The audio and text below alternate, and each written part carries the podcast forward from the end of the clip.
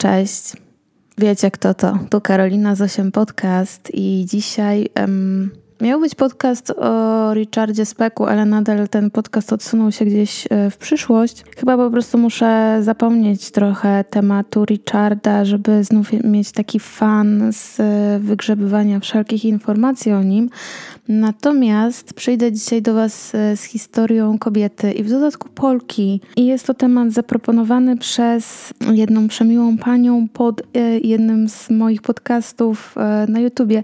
Nie pamiętam mm, dokładnie pod którym, ale bardzo mi się spodobał ten temat, kiedy zaczęłam robić przegląd, także zapraszam Was do słuchania. Dzisiejsza bohaterka mówiła o sobie tak, cytuję: Zawsze czułam się Polką, Gorąco pragnęłam, aby dla mnie i moich rodaków, którzy wyemigrowali do Ameryki, zagrano w Los Angeles Mazurka Dąbrowskiego i wyciągnięto na maszt polską flagę. Dla nas, dla Polonii amerykańskiej, była to sprawa honoru i wynagrodzenia za wiele trudnych chwil, jakie niejednokrotnie przeżywaliśmy na obczyźnie, tłumaczyła Walasiewiczówna bo tak przedstawiały ją krajowe media. Niektórzy zarzucali biegaczce, że gdy zdecydowała się reprezentować Polskę, to zdradziła Amerykę, a ta Ameryka tak de facto ją sportowo ukształtowała. Natomiast z kolei inni podkreślali, mm, że tam na miejscu w Ameryce nie zrobiono nic, aby dać jej sensowną alternatywę.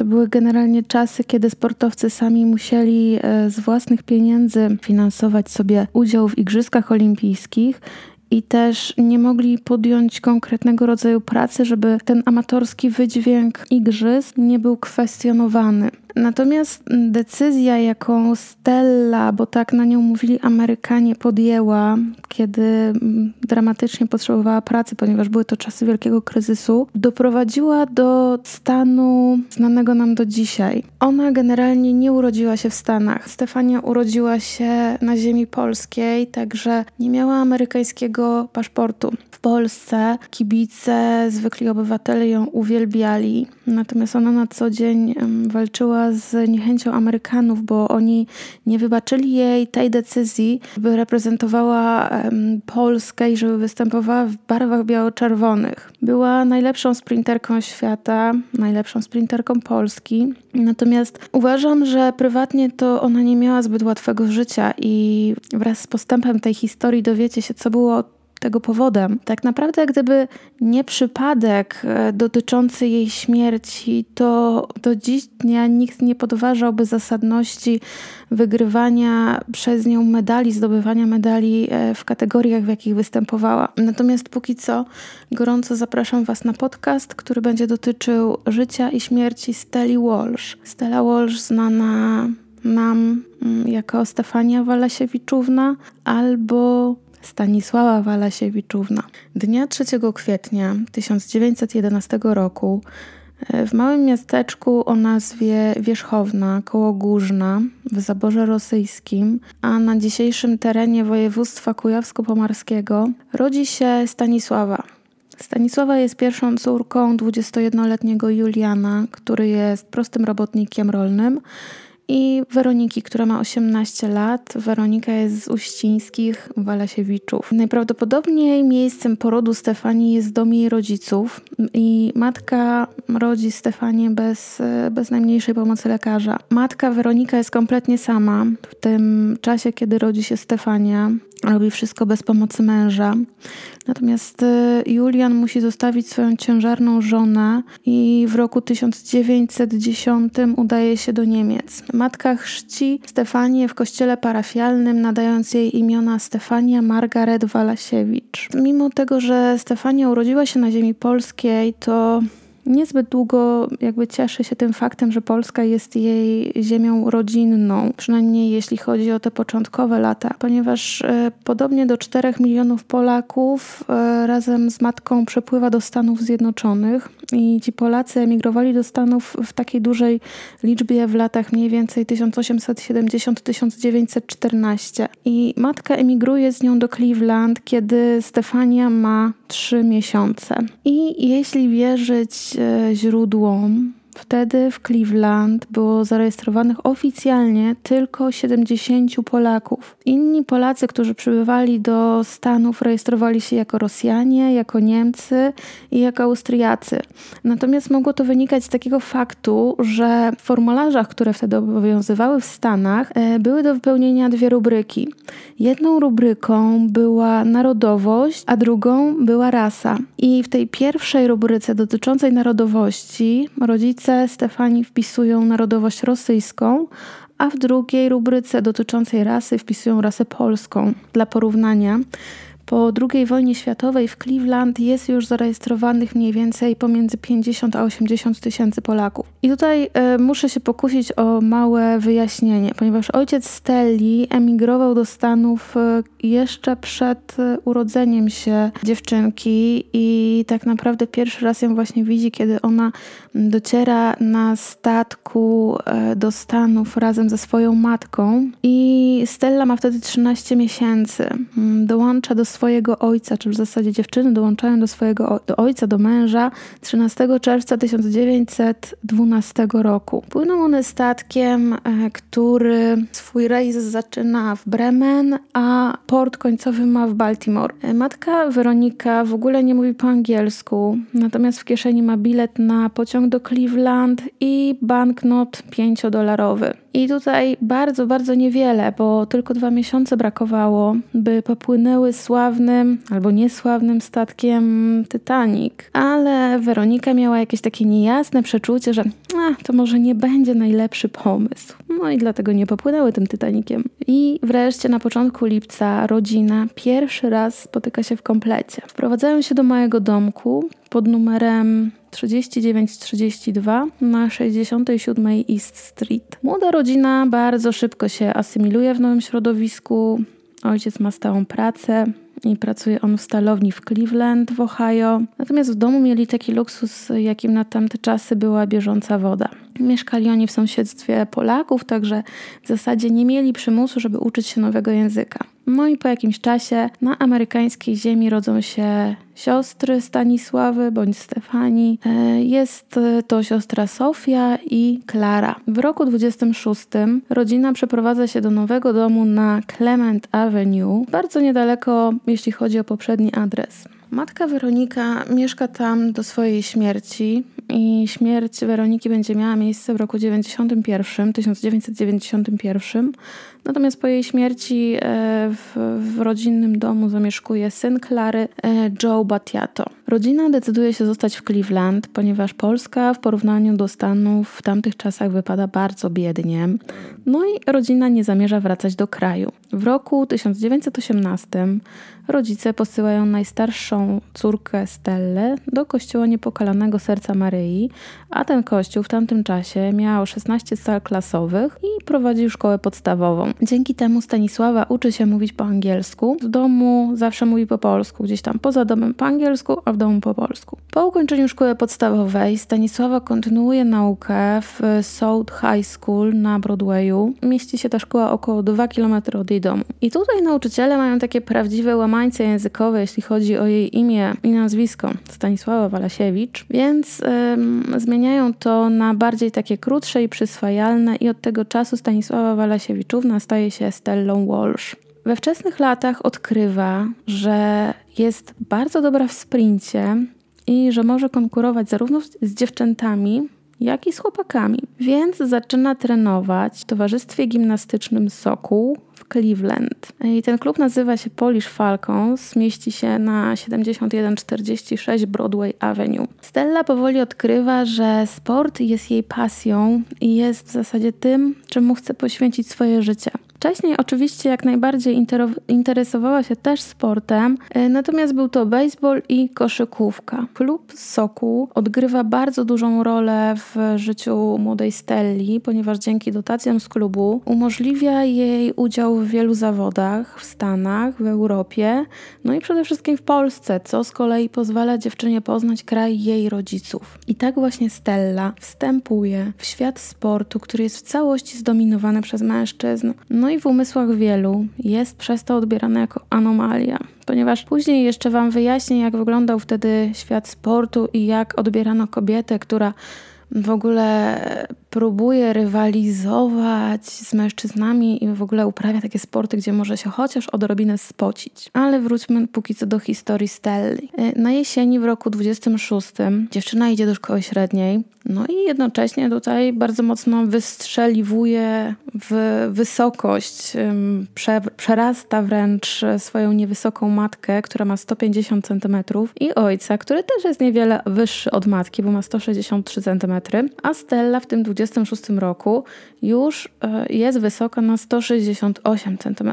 Pierwszy jej sprint, w jakim bierze udział, to był sprint na 50 yardów i były to zawody dla szkoły South High Flyers. No i żadne tutaj, e, żadne zdziwienie, bo Stella wygrywa te zawody. Natomiast kiedy zobaczono, że Stella tak bardzo szybko biega, to została zgłoszona do zawodów lekkoatletycznych dla dziewcząt i startowała ona wtedy w kategorii wiekowej dla juniorów. Te zawody organizowała gazeta Cleveland. Stella e, wygrała na tych zawodach sprint na 50 i 70 yardów i również na podium, ale na drugim miejscu staje w kategorii kategorii skoków dal i tak samo w kategorii rzutu piłką baseballową na odległość. I hasłem przewodnim tych zawodów organizowanych przez gazetę było Szukamy Olimpijczyków. A te zawody z kolei mają miejsce przed Igrzyskami w Amsterdamie, w których po raz pierwszy pojawia się pięć konkurencji kobiecych. I generalnie, jeśli chodzi o tamte czasy, czyli takie lata 20, 30, XX wieku, kobiety raczej wybijały się na polu artystycznym albo jako aktorki. O, oczywiście, aktorka to też jest zawód artystyczny, yy, natomiast no, jakby nie było takiego mm, gloryfikacji ducha sportowego w, w stronę kobiet. I nikt wtedy by nie pomyślał, że kobieta może mieć takie osiągnięcia w sporcie.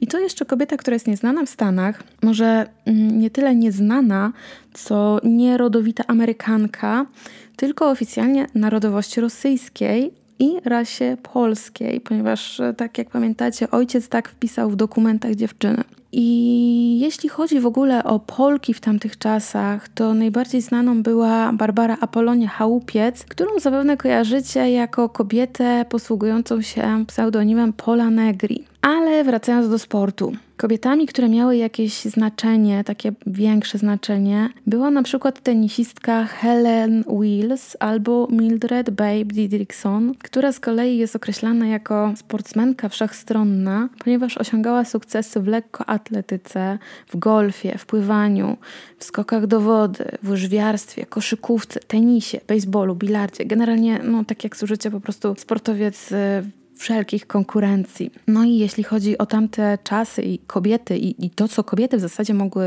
mogły robić, jaką rywalizację w sporcie, no to kobiety mogły wtedy grać na przykład w kręgle, Mogły grać w tenisa, mogły grać w golfa, ale takie bardziej wyczynowe sporty to już były uznawane za bardzo niekobiece i bardzo niewskazane dla zdrowia. Oczywiście dla zdrowia kobiet, albo wręcz mm, te niewskazane aktywności sportowe miały rujnować ciało kobiet. Było wtedy takie powiedzenie, że jeśli dziewczyna wygrywa w sporcie, to jest ostatnia w zawodach o przyzwoitego męża. No i generalnie, jeśli chodzi w ogóle o to pocenie się, to było przypisane mężczyznom. Tylko mężczyźni mogli się pocić, a jeśli kobieta to robiła, to był szok i w ogóle niewskazane. I tutaj taki człowiek, który się nazywał James Doyle, to był publicysta, stworzył taki wierszyk, który brzmiał Twinkle, twinkle, parva Stella, you run too fast for any fella. Czyli, że Stella, mała Stella, bo parva to jest po łacinie mała, jest um, za szybka, żeby w zawodach, żeby jakby być tak samo szybka w biegu o mężczyznę. Stella generalnie nie była lubiana, ponieważ e, według dziewcząt, tutaj cytuję, wydawała się taka duża i agresywna, nie znała swojego miejsca wśród kobiet. Koniec cytatu. E, no i to takie przechwalanie się i agresja, jeśli chodzi o zachowanie kobiet, nie były, no i czasami jeszcze nadal nie są uważane za odpowiednie zachowanie dla kobiet. Natomiast może to była, wiem, normalny przejaw rywalizacji albo jakieś tam zazdrości między sportowcami. Wszystkie kobiety, które rywalizowały wtedy na polu sportowym, to były pionierki i kobiety sportowcy były dręczone rutynowo takimi dowcipami jak hej Tom Girl, gdzie jest twoja broda? Natomiast Wydaje mi się, że Tom Girl wtedy mogło troszeczkę co innego znaczyć, bo tak jak sprawdziłam sobie w mm, jakimś słowniku, e, to Tom Girl w dzisiejszych czasach odnosi się bardziej do takiego chłopca, który upodabnia się do, do kobiet i zamiast na przykład grać w jakieś, brać udział w jakichś zawodach czy uprawiać sporty, to on woli sobie pójść na zakupy, kupować ubrania i bardziej staje się taki kobiecy, chce być taki, taki kobiecy. Ja tego jak najbardziej nie krytykuję, tylko staram się też mm, przybliżyć te, te teorie. Według mnie tutaj bardziej pasowałoby tomboy, bo um, tomboy to był właśnie taki, to była właśnie taka kobieta, która miała bardziej takie męskie cechy, na zasadzie kobiety, które lubią sport, które lubią się ubrudzić, które jakby robią coś innego niż tylko tak zwane malowanie swoich paznokci ale równie dobrze wtedy to, to, jedno i drugie określenie mogło, mogło znaczyć co innego, albo może jeszcze wtedy nie było tego określenia tomboy. Natomiast, no, tak jak słyszycie, kobiety sportowcy w tamtych czasach były e, dręczone. A skąd się w ogóle wtedy wzięło takie, taka, taki pogląd, że kobiecość i lekkoatletyka były niezgodne. Już Wam tłumaczę, bo to wszystko miało taki e, historyczny wydźwięk i historyczne korzenie, ponieważ w starożytnej Grecji kobiety generalnie miały zakaz uczestniczenia w igrzyskach olimpijskich. Nie mogły tych igrzysk oglądać, nie mogły w nich uczestniczyć, ponieważ obecność kobiet może osłabiać siłę bohaterów wojowników Olimpii i dlatego też mężczyźni musieli konkurować nago w tamtych czasach. Natomiast Natomiast kobieta, która naruszyła zasady, ryzykowała bardzo surową karą i była to śmierć e, przez zrzucenie z góry typajon. A generalnie e, Grecy to się tam nie obściskiwali za bardzo w tańcu, no i te swoje zasady konkretnie respektowali.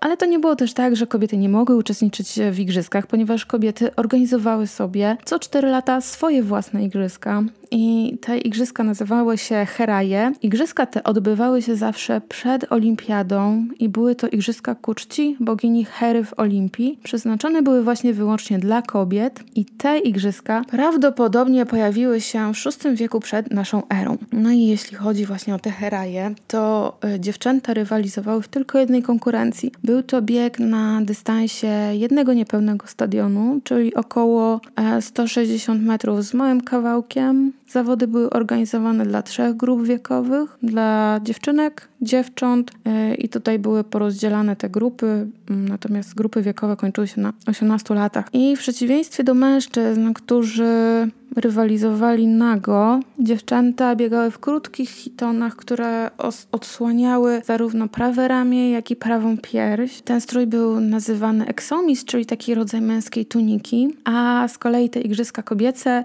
były takim rytuałem inicjacji przedślubnej. I zwyciężczynie, tak samo jak zwycięzcy Igrzysk Olimpijskich, otrzymywały wieniec oliwny i część wołu, który był ofiarowywany patronce Igrzysk. Miały również prawo do wystawienia swojego wizerunku w Altisie, mm, więc mogły to być e, portrety albo posągi z plakietkami z takim ich imieniem. I wizerunki te były przedstawiane w świątyni Hery, a z kolei ten Altis to był taki pochodzący z mitologii greckiej święty Gaj w Olimpii. I tam miał znajdować się posąg Zeusa, który był wyrzeźbiony przez Fidiasza tyle, jeśli chodzi o mitologię. Wracajmy teraz do Stelli. Początkowe dziedziny olimpijskie, w których kobiety generalnie mogły brać udział, to były pływanie i gra w tenisa. Natomiast takie ubranie do gry w tenisa dla kobiet to były buty na obcasie, sukienki, które były do ziemi długie, kapelusze, które uniemożliwiały takie jakieś bardziej zaawansowane ruchy. Także, tak jak słyszycie, społeczeństwo tutaj solidnie dbało o to, żeby kobiety się nie pociły. Albo jeśli się pociły, to żeby te wszystkie kiecki, kapelusze po prostu solidnie to kryły. Do 1928 roku Wtedy konkurencje olimpijskie zostały rozszerzone o łyżwiarstwo figurowe. To, co jeszcze bardziej Stellę jakby nakręcało do tego, żeby, żeby trenować, żeby ćwiczyć, to była postać Haliny Konopackiej. I Halina Konopacka urodziła się 11 lat wcześniej, przed Stellą, a 31 lipca 28 roku, podczas Igrzysk Olimpijskich w Amsterdamie, ustanowiła ona rekord świata e, w rzucie dyskiem z wynikiem 39 metrów i 62 centymetry. I zdobyła wtedy pierwszy złoty medal olimpijski dla Polski. W plebiscycie dziennikarzy sportowych została uznana za Miss Igrzysk w Amsterdamie. I do końca swojej kariery nie została pokonana w rzucie dyskiem w żadnych zawodach, czyli do roku 1931, kiedy to już wycofała się z takiego czynnego życia zawodowego. Natomiast 16-letnia Stella póki co ma już zamerykanizowane nazwisko, natomiast nie posiada amerykańskiego obywatelstwa. I mimo iż została zakwalifikowana jako rezerwowa do reprezentacyjnej sztafety Stanów Zjednoczonych na dystansie 4 razy 100 metrów, do Amsterdamu niestety nie mogła e, popłynąć, ponieważ obywatelstwo Stanów Zjednoczonych przyznawano osobom pełnoletnim mającym 21 lat a Stellę zakwalifikowano jako rezerwową, bo przebiegła w sprincie na 100 metrów podczas tych wewnętrznych zawodów jako trzecia. Natomiast w roku 1932 mogła już brać udział w barwach Stanów Zjednoczonych e, w Olimpiadzie w Los Angeles. Stella zainteresowała się tak bardzo przebiegiem igrzysk i zwycięstwem Haliny Konopackiej, że to ją zmotywowało do tego, żeby zobaczyć ojczyznę swoich rodziców. Więc e, wstąpiła do polskiego Sokoła w Cleveland, e, to już o tym mówiłam wcześniej, e, i wzięła udział w walnym zlocie Sokolstwa Polskiego w Syracuse w roku 1928. I w następnym roku, czyli w 29, przyjechała do Polski na tak zwany Wszechsłowiański Zlot Sokolstwa, który zorganizowany był w ramach powszechnej wystawy krajowej w Poznaniu.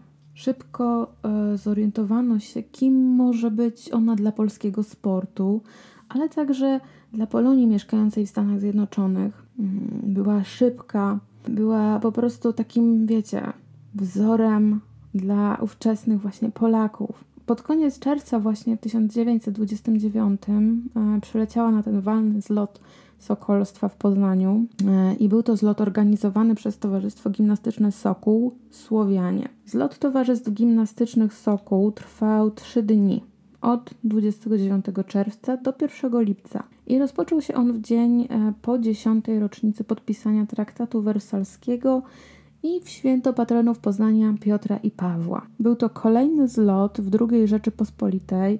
E, pierwszy zlot był w Warszawie w 1921 i ten drugi zlot miał już e, silny wydźwięk międzynarodowy. Obok drużyn polskich, obok polskich sokołów uczestniczyli w nim na przykład przedstawiciele sokolstwa słowiańskiego, czyli Czesi, Jugosłowianie, Rosjanie, Serbołużyczanie. Były też delegacje z Włoch, Anglii i z Finlandii. I wielu gości przyjeżdża wtedy do Poznania specjalnym pociągiem, czy specjalnymi pociągami w zasadzie. Między innymi delegacja um, 800 sokołów czeskich, w tym w tej, e, w tej ośmiosetce, nie wiem czy tak się mówi, ale tak mi teraz przyszło do głowy, także jeśli e, domyślam się, że to niekoniecznie musi być poprawne, było 250 pań. Bardzo mocno w tym e, zlocie wybrzmiewał fakt, że zlot ten stanowił manifestację braterstwa i siły Słowian. No i tutaj dotarłam do pewnych takich e, historycznych wzmianek. Oczywiście wszystkie linki wrzucę Wam w opisie. I mm, zlot ten pokazywał druhów, którzy ćwiczyli karnie dla wzmocnienia zdrowia w służbie Boga i Ojczyzny. To oczywiście był cytat. Tak samo jak cenne było wychowanie wtedy, wychowanie fizyczne, było też krzewienie idei narodowej i zadań obywatelskich. I tutaj znowu będzie cytat. Popisy sprawności gimnastycznych zyskały wysokie uznania widzów. Podziwiano nie tylko zawodników ćwiczących z karabinami, ale i druchny z okręgu krakowskiego, występujące z sierpami i przyśpiewujące rytmicznie do taktu.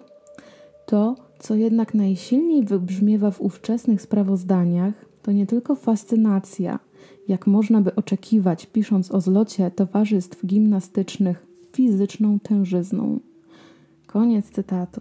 No i nasza kochana Stella dominuje całkowicie ten cały zlot i wygrywa ona w pięciu eventach. Pierwszy to był sprint na 60 metrów, na 100 metrów, na 200 metrów i na 400 metrów i oddaje najdłuższy skok w dal. I za namową władz Polskiego Związku Lekkiej Atletyki wstępuje do warszawskiego klubu, który nazywa się Sokół Grażyna. I 28 lipca tego samego roku, 29, debiutuje w reprezentacji Polski przeciw y, Austriaczkom i debiut ten ma miejsce w Chorzowie i wtedy też zgarnia medale w sprincie na 60, 100 i 200 metrów i w kategorii skoków dal. W kolejnym występie przeciwko Czechosłowacji dała jeszcze bardziej wszechstronny pokaz tych swoich możliwości, ponieważ e, wygrała biegi na 60, e, 100 i 200 metrów z czasami, które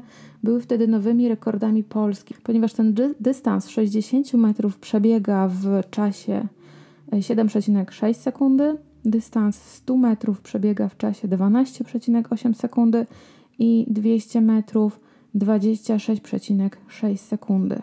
Mm, natomiast ten jej krajowy rekord w biegu na 60 metrów mm, był jednocześnie rekordem świata. No i do domu, do Cleveland, przelatuje z medalami, z workiem medali i ze zdjęciem e, Józefa Piłsudskiego, które to zdjęcie jej rodzice stawiają na głównym miejscu w salonie. W roku 1930, dokładnie 30 maja, jako pierwsza kobieta w Stanach przełamała barierę 11 sekund w biegu na 100 yardów. I ten bieg pokonała, ten dystans pokonała e, w czasie 10,8 sekundy. Na dystansie 50 yardów ustaliła swój własny rekord, e, który wynosił 6,1 sekundy. I kiedy nastał czas trzecich światowych igrzysk kobiecych w Pradze w roku 1930, zwycięża ona w biegach na 60 metrów. Dystans ten pokonuje w czasie 7,7 sekundy, 100 metrów 12,5 sekundy, czy w zasadzie 12,5 sekundy i 200 metrów w czasie 25,7 sekund. Oraz przyczynia się też do mm, zdobycia brązowego medalu dla Polek w sztafecie 4 na 100 metrów. I ten dystans dziewczyny pokonują w czasie 50,8 sekundy. E, w roku 1930 wygrywa plebiscyt przeglądu sportowego na najsłynniejszego sportowca. I ten plebiscyt wygrywa jeszcze w roku 32, 33 i 34. W roku 32 e, zostaje odznaczona Złotym Krzyżem Zasługi za całokształt e, sukcesu i przyznano jej też wielką honorową nagrodę sportową. Jest to doroczne wyróżnienie dla sportowców, którzy są bardzo wybitni i ta nagroda jest ufundowana przez Państwowy Urząd Wychowania Fizycznego i Przysposobienia Wojskowego. Jeśli chodzi o to życie Stelli poza bieganiem, tak jak Jerry Brudos, żyła w okolicach wielkiego kryzysu w Stanach. I tylko tak gwoli przypomnienia, ten kryzys spowodował, że spadła ilość produkowanych towarów, za tym szła mniejsza ilość zatrudnionych ludzi, a to sprawiło z kolei, że rynek pracy stał się rynkiem pracodawców i to pracodawcy dyktowali warunki. I pracodawcy z kolei, wiedząc, że wiele ludzi jest w zasadzie postawionych pod ścianą i wiele ludzi potrzebuje pracy, zaniżali kwotę wynagrodzeń i tym samym zmuszali pracowników do większej wydajności, no bo wiadomo było, squillion osób na miejsce tego, który się teoretycznie obijał. No i w tych czasach szacuje się, że około nawet 20 milionów robotników miało pozostawać bez pracy. Ten wielki kryzys dotknął każdej gałęzi gospodarki w Stanach, a w Cleveland około 1 trzecia robotników została bez pracy. I w pewnym stopniu dotyka to też ojca Juliana, który pracuje w niepełnym wymiarze godzin w fabryce. Nie ma tym samym wystarczającej ilości środków, aby utrzymać rodzinę.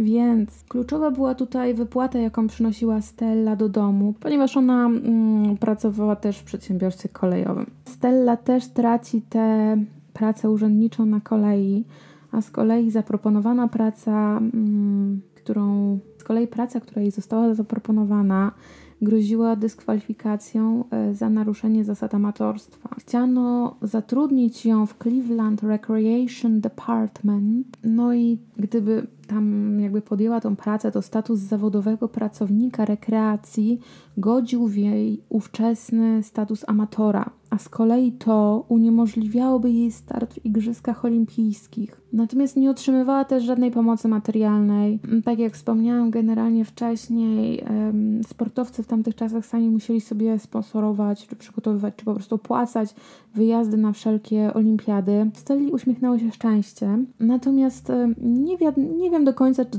to było szczęście, czy nieszczęście, ale na pewno uśmiechnął się do niej los, ponieważ 24 godziny przed otrzymaniem obywatelstwa amerykańskiego przyjęła ona ofertę pracy od polskiego konsula w Nowym Jorku i tym samym postanowiła wystąpić w Los Angeles w barwach polskich, a obywatelstwo Stanów Zjednoczonych przyjęła dopiero po ślubie. Natomiast do ślubu oczywiście jeszcze dojdziemy. W ten właśnie oto sposób Stella staje się bardzo silnym punktem polskiej kobiecej reprezentacji lekkoatletycznej i praktycznie jest tym punktem aż do roku 1946, kiedy to mają miejsce Mistrzostwa Europy w Oslo. No i dzięki temu, dzięki tej ofercie z konsulatu um, polskiego, ma zapewnione źródło zarobku i jednocześnie jest cały czas ma to obywatelstwo polskie. Stefania nie namyśla się długo i postanawia, że w Los Angeles będzie reprezentować Polskę. Finalnie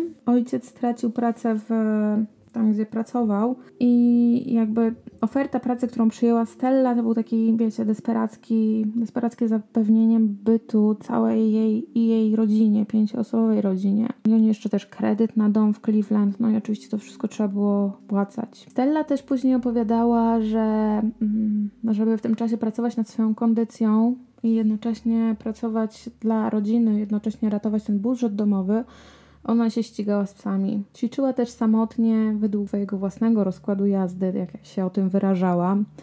Zawsze była opanowana, zawsze była nad wiek poważna, zawsze była świadoma tego, jaki cel jej przyświeca i czemu to robi. Kiedy gazeta Start Przypomniała sylwetkę najszybszej kobiety świata, ponieważ tak ją wtedy tytułowano, ponieważ ta gazeta podawała, że Stella była tak bezgranicznie ofiarna i walczyła ona o zwycięstwo nie tylko dla siebie, ale też zawsze dla całej drużyny. Była bardzo ambitna, była zdyscyplinowana, była skupiona na swoim celu i żyła jak mniszka. Stella też y, nie chodziła na żadne imprezy, nie bawiła się tak jak jej koleżanki i koleżanki ubolewały, że nie mają one tak silnie zaznaczonego celu jak Stella, a Stella oczywiście jej cel, jej celem było osiąganie najlepszych wyników sportowych i ten cel dla niej był bardzo silnie sprecyzowany. No i ponieważ Stella reprezentuje Polskę na olimpiadach, Niektórzy właśnie postrzegają to jako zdradę jej nowej ojczyzny i to obywatelstwo amerykańskie, które już niebawem miała otrzymać, mm, no niestety zostaje jej zabrane albo cofnięte i zostaje to zrobione na czas ponad 15 lat. Mm, ponownie zostaje właśnie naturalizowana, kiedy wychodzi za mąż. I tutaj, jeśli chodzi o samo wyjście za mąż, to znalazłam dwie sprzeczne informacje. E, jedna, mm, jakoby to było w roku 47, a drugi, druga w 56. Natomiast finalnie nie ma to jakiegoś większej, większego znaczenia, bo jej mąż jest e, od niej 12 lat młodszy, no i dowiecie się później, czemu to małżeństwo było uznawane za w ogóle dziwne. Tak swoją drogą to nie przetrwało zbyt e, długo, więc pojawiły się podejrzenia, że po prostu Stella omotała biednego młodego chłopca tylko i wyłącznie po to, żeby uzyskać obywatelstwo amerykańskie, ponieważ jej mąż był amerykańskim bokserem Natomiast e, po tym małżeństwie Stella używała swojego e, amerykańskiego nazwiska. Znaczy używała Walesiewicz i nazwisko po mężu.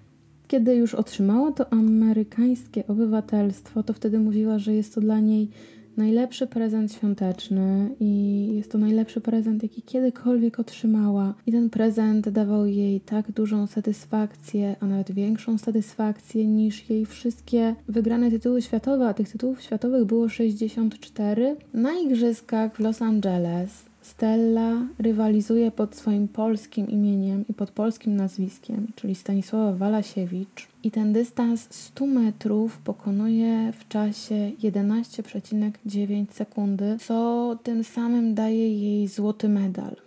I stawia ona tak długie kroki podczas biegania, że ten jej styl biegania jest e, porównywany, do tego, jak biegają mężczyźni. I 2 sierpnia roku 1932 w Kalifornii spełnia swoje marzenia, ponieważ trzykrotnie wyrównała podczas igrzysk rekord świata. I ten rekord świata należał wtedy do Holenderki Tolien Schurman, i po tym e, szaleńczym pościgu za Holenderką zdołała pokonać rywalki, no i zdobyła właśnie złoty medal. I tu właśnie Stella powiedziała to, jakim cytatem otworzyłam ten podcast, czyli to, że zawsze czuła się Polką i chciała, żeby ona i jej rodacy, którzy musieli z jakichś powodów wyemigrować do Stanów, żeby oni usłyszeli w końcu e, tego Mazurka Dąbrowskiego. I żeby na maszt została wciągnięta flaga polska. I że tak naprawdę takie gesty dla niej i dla Polonii amerykańskiej to była sprawa honoru. I było tym samym wynagrodzeniem ciężkiego życia i wszystkich trosk, które przeżywali na, ojczy, na obczyźnie, czy Stella, czy właśnie Polonia amerykańska.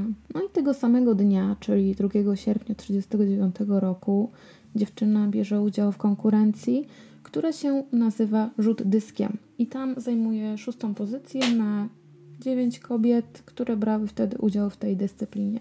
No i te wszystkie osiągnięcia dają jej w końcu rozpoznawalność jako sportowiec i kiedy przybyła do Polski, jest witana tutaj e, z owacjami.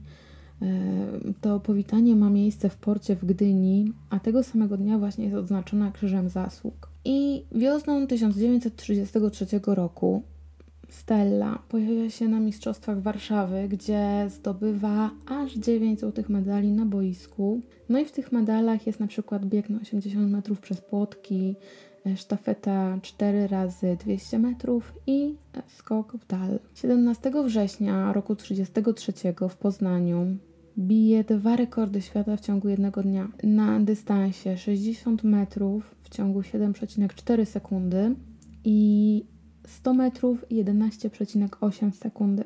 I jej olimpijski sukces zaczyna przynosić też stypendium. Stypendium w Warszawskim Instytucie Wychowania Fizycznego, gdzie wtedy poznaje jednego z najwybitniejszych ówczesnych polskich sportowców. Poznaje Jadwigę Weiss, poznaje Marię Kwaśniewską i poznaje Janusza Kusocińskiego.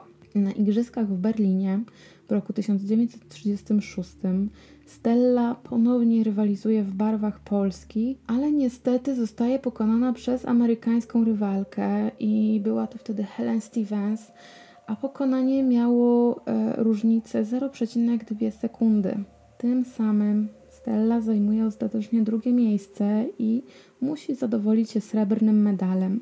Mówiono, że przed swoim biegiem ona, Stanisława oczywiście, Stella, e, nabawiła się kontuzji nogi i to mogło jej właśnie przeszkodzić w wygraniu ze Stevens. Była mimo to jednak faworytką tego dystansu 100 metrów, miała bronić swój tytuł, no ale generalnie taka nutka niepewności przebijała z jej relacji przed biegiem. Wszyscy oczekiwali, że talent i no, tak jakby obeznanie, taka rutyna powinny też w tym roku właśnie zapewnić jej pierwsze miejsce. No ale niestety yy, panna Stevens, Helen Stevens, która wtedy miała 18 lat, miała też wzrost 1,80 m i osiągała czasy tak samo wspaniale równe jak Stella. No tutaj jakby oczekiwano, że walka będzie zacięta, ale Stella bardzo pewna, bardzo pewna siebie mówi, że ona obroni ten tytuł i nie da sobie wydrzeć zwycięstwa. Natomiast jeśli chodzi o samą Helen Stevens, to tak jak wspomniałam, dziewczyna miała 1,80 m, była mocno i okazale zbudowana. Przewyższała swoje konkurentki wzrostem, przewyższała je potężną sylwetką. Opisywano jej charakter jako start dość słaby, ale po paru metrach wysuwała się wielkimi susami na prowadzenie. No i oczywiście znów tutaj nie sposób minąć kwestię, na temat której gazety milczeć nie chciały. Przegląd sportowy spekulował, że Stevens nie przypomina niczym kobiety. No i tutaj jakby ten temat wzrostu wyciągano, 1,80 m, E, nogi, a raczej stopy z butem około 43, numer 43.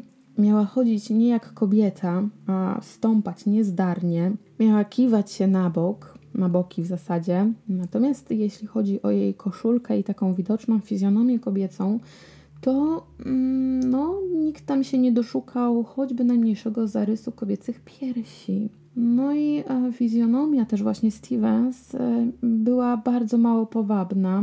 E, Helen była ponura, poważna, skupiona, nigdy się nie śmiała. To oczywiście wszystko pisał ten przegląd sportowy. Ja tylko przytaczam jakby artykuły.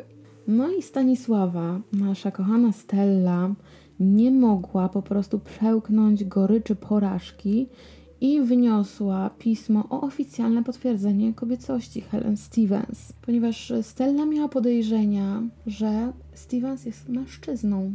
Stevens, która oskarżona o to, że jest mężczyzną, musiała udowodnić, że jest inaczej i jest wtedy poddana kontroli narządów płciowych, ponieważ e, dzięki temu można było potwierdzić jej płeć. No i oczywiście e, płeć Stevens została potwierdzona jako kobieca ponad jakiekolwiek wszelkie możliwości. Także no, taka mała szpileczka tutaj ze strony Stelli, naszej kochanej. Stefania nie ukrywała niechęci do nowej konkurentki od tego momentu, kiedy została pokonana.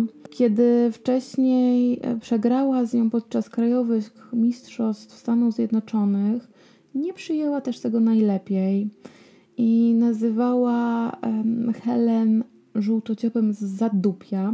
E, bardzo, bardzo prostacko i mało finezyjnie, nawiązując do tego, że Helen wychowała się na wsi.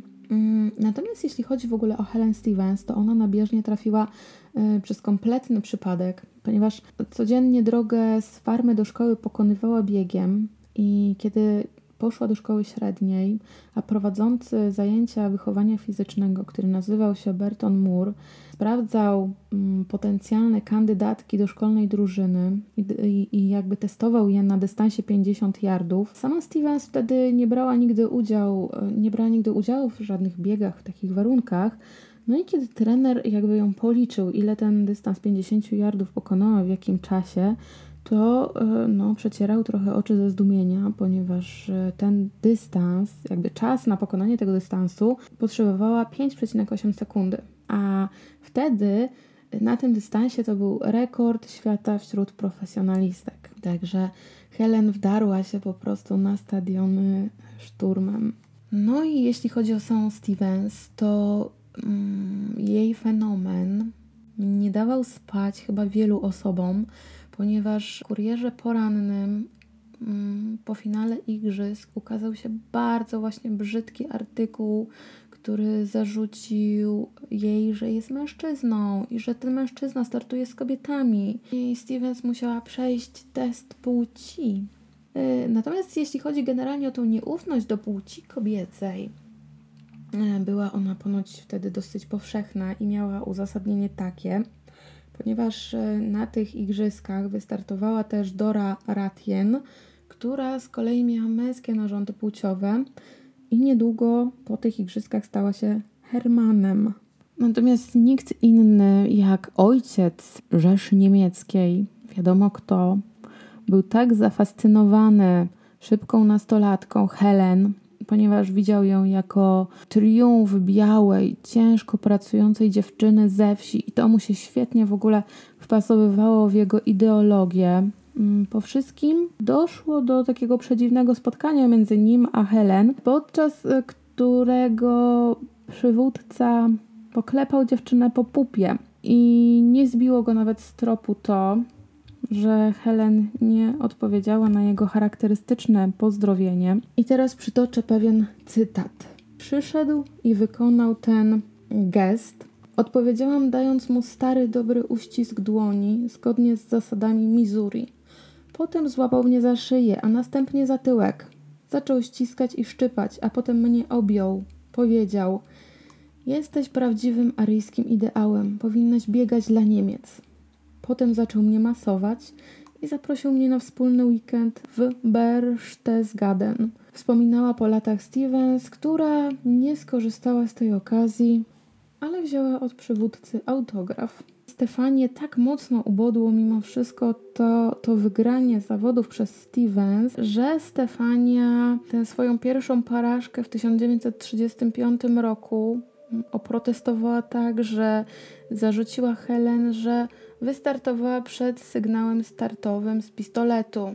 Natomiast e, w kolejnych latach chyba jej jakaś taka obsesja rosła w siłę, ponieważ winiła albo pogodę, albo jedzenie, albo te kontuzje i zawsze były jakieś okoliczności, które Stella była w stanie wymyśleć i poprzeć tę swoją teorię, że ona nigdy nie przegrała, bo Steven z nią nigdy nie wygrała, bo zawsze były jakieś okoliczności, które po prostu wpłynęły na to, że, e, że, że akurat Stella była tego dnia gorsza.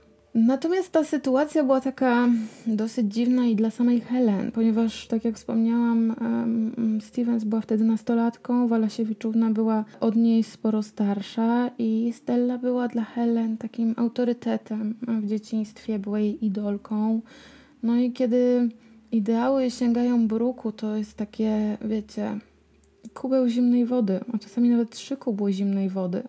No i w związku z tym Amerykanka, czyli Helen, musiała zmienić podejście do Stelli. I kiedy po pierwszym zwycięstwie dziennikarze spytali Helen, jakie to jest uczucie pokonać wielką Stellę, Helen tak się uśmiechnęła i zapytała Stella who? I w kolejnych latach mówiła, że Wygrałaby w zasadzie z Walasiewicz, nawet biegnąc boso albo biegnąc tyłem. Generalnie jakby nigdy nie przegrała z Stellą, więc czuła się super pewnie. Ta porażka w Berlinie bardzo mocno dotknęła Stellę i też usprawiedliwiała właśnie, tak jak wspomniałam wcześniej, nie tylko jedzeniem, pogodą, ale też tą kontuzją. Zawsze, za każdym razem, kiedy, kiedy Stella spotykała się z Helen, to zawsze wygrywała Helen. Niestety Helen musiała zrezygnować z, z, kariery, z kariery takiej biegaczej, ponieważ jej rodzice mieli problem z utrzymaniem farmy,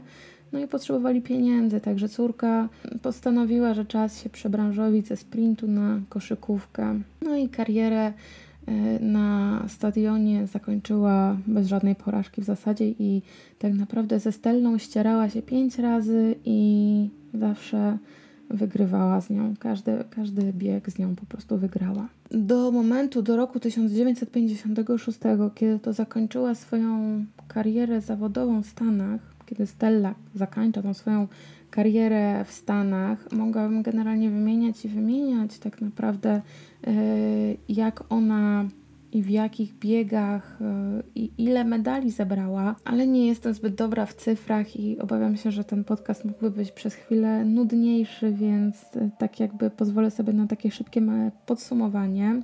Do momentu przejścia na emeryturę była 14-krotną rekordzistką świata na dystansach od 50 metrów do 1000.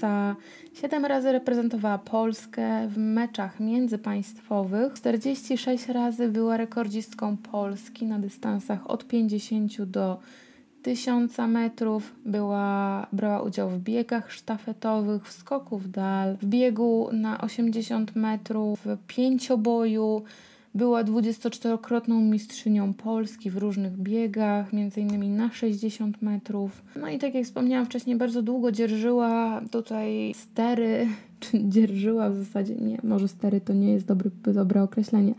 Dzierżyła berło tych um, rekordów życiowych, począwszy od 50 metrów właśnie do, do 1000 E, jeśli chodzi o skoki wzwyż, tak samo. Jeśli chodzi o skoki w dal, jeśli chodzi o skok wzwyż, generalnie e, jej rekord to był 1,49 m, jeśli chodzi o skok w dal, 6 metrów i 12 cm. Jeśli chodzi o rzut oszczepem w dal, 38 metrów i 94 cm. Czasy wojny przeżyła w Stanach Zjednoczonych, natomiast do Polski przyjechała w roku 1946 i wtedy postanowiła wystartować w mistrzostwach krajowych. I wtedy zdobywa 7 złotych medali. No i udaje się na ostatni swój występ w barwach biało-czerwonych. To były Mistrzostwa Europy w Oslo i wraca do Stanów. Zajmuje się karierą trenerską ale cały czas pozostaje w kontakcie z ojczyzną. I Stefania kończy swoją karierę zawodniczą, przechodzi na emeryturę, natomiast mimo wszystko często odwiedza Polskę w latach 60. i 70. Jest ona działaczką polonijną, e, trenerką, e, wspiera wszelkie poczynania i akcje różne. Jest honorowym gościem polskich polonijnych igrzysk w Krakowie w roku 77. W świetnej formie, jak na swoje lata, czyli na 66 lat, przebiega dystans 60 metrów. No i właśnie albo w roku 47, albo w 56 tutaj nie mam niestety takiej jakieś takie rozbieżności po prostu trafiłam.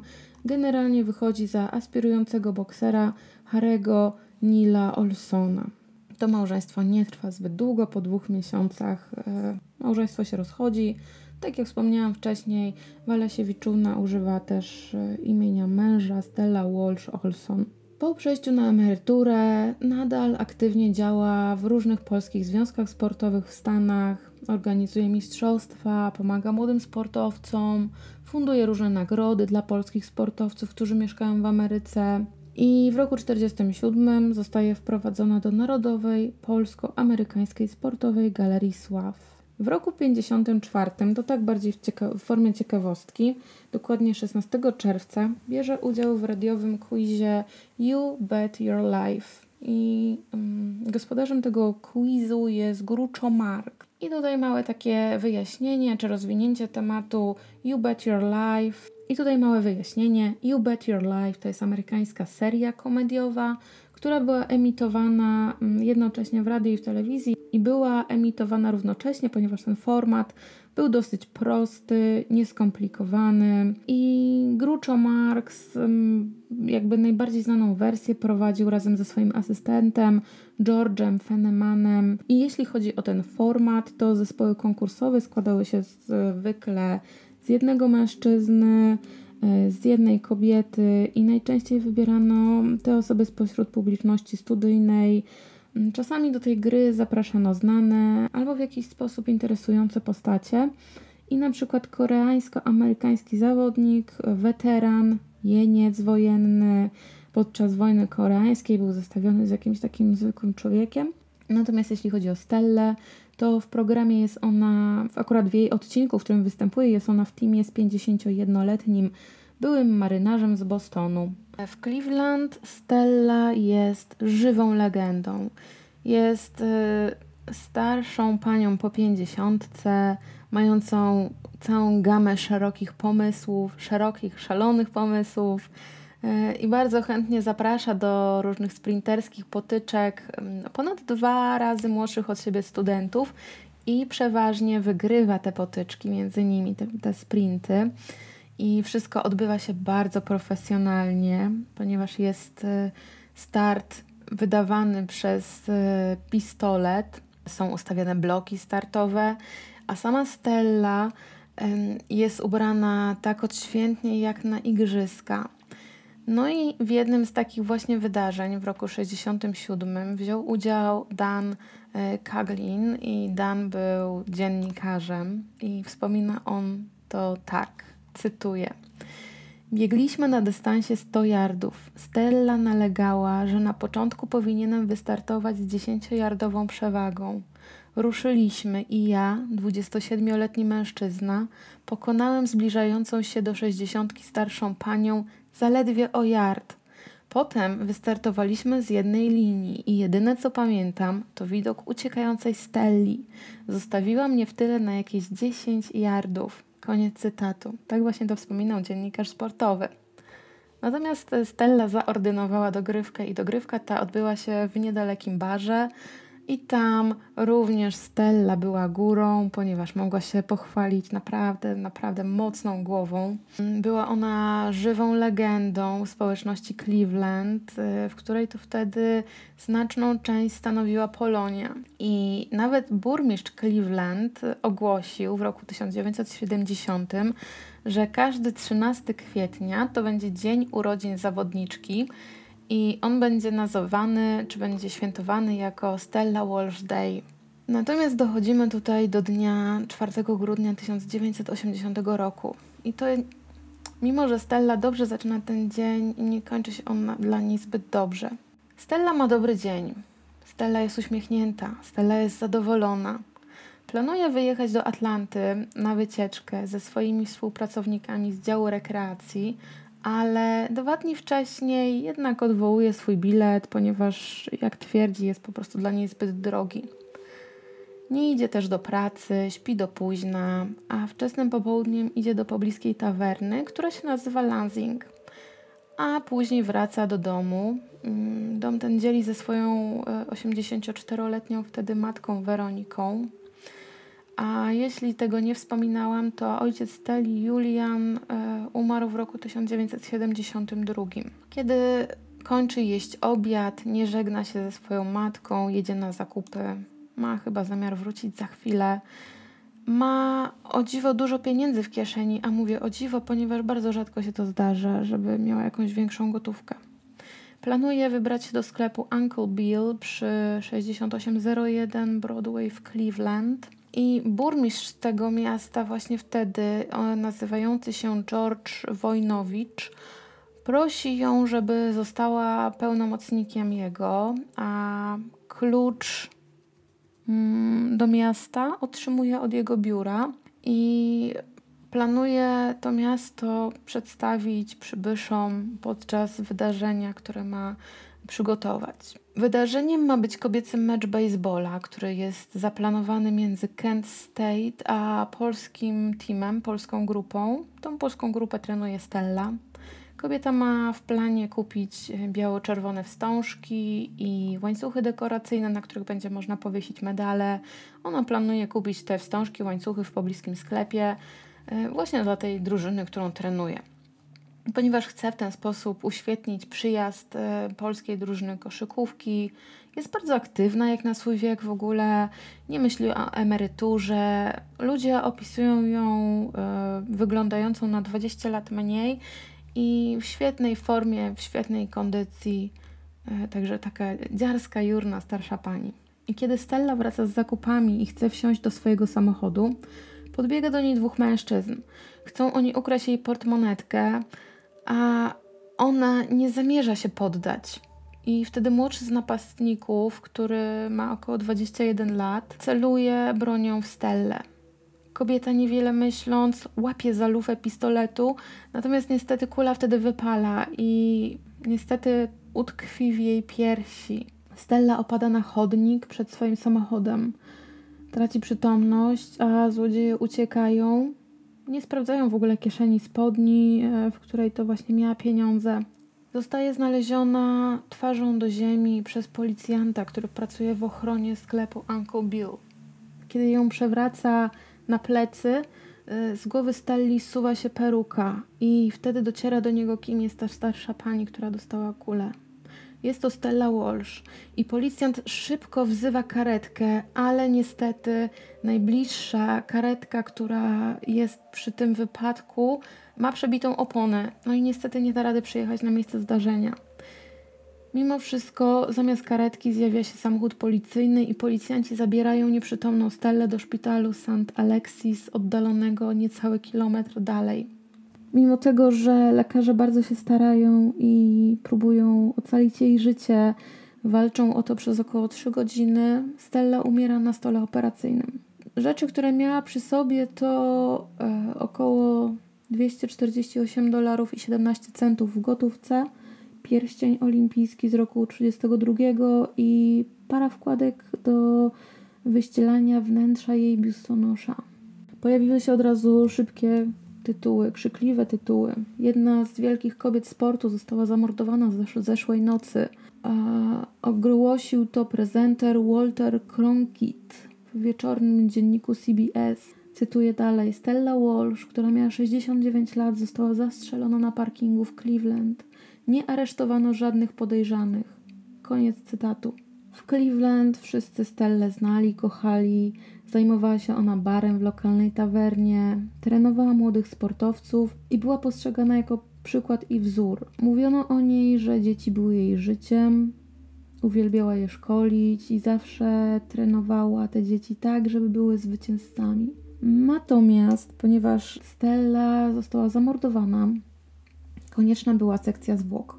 I w przeddzień jej pogrzebu stacja telewizyjna w Cleveland wyemitowała biuletyn informacyjny, który to biuletyn wstrząsnął miastem, a, a potem krajem, a potem światem, ponieważ podali, co następuje.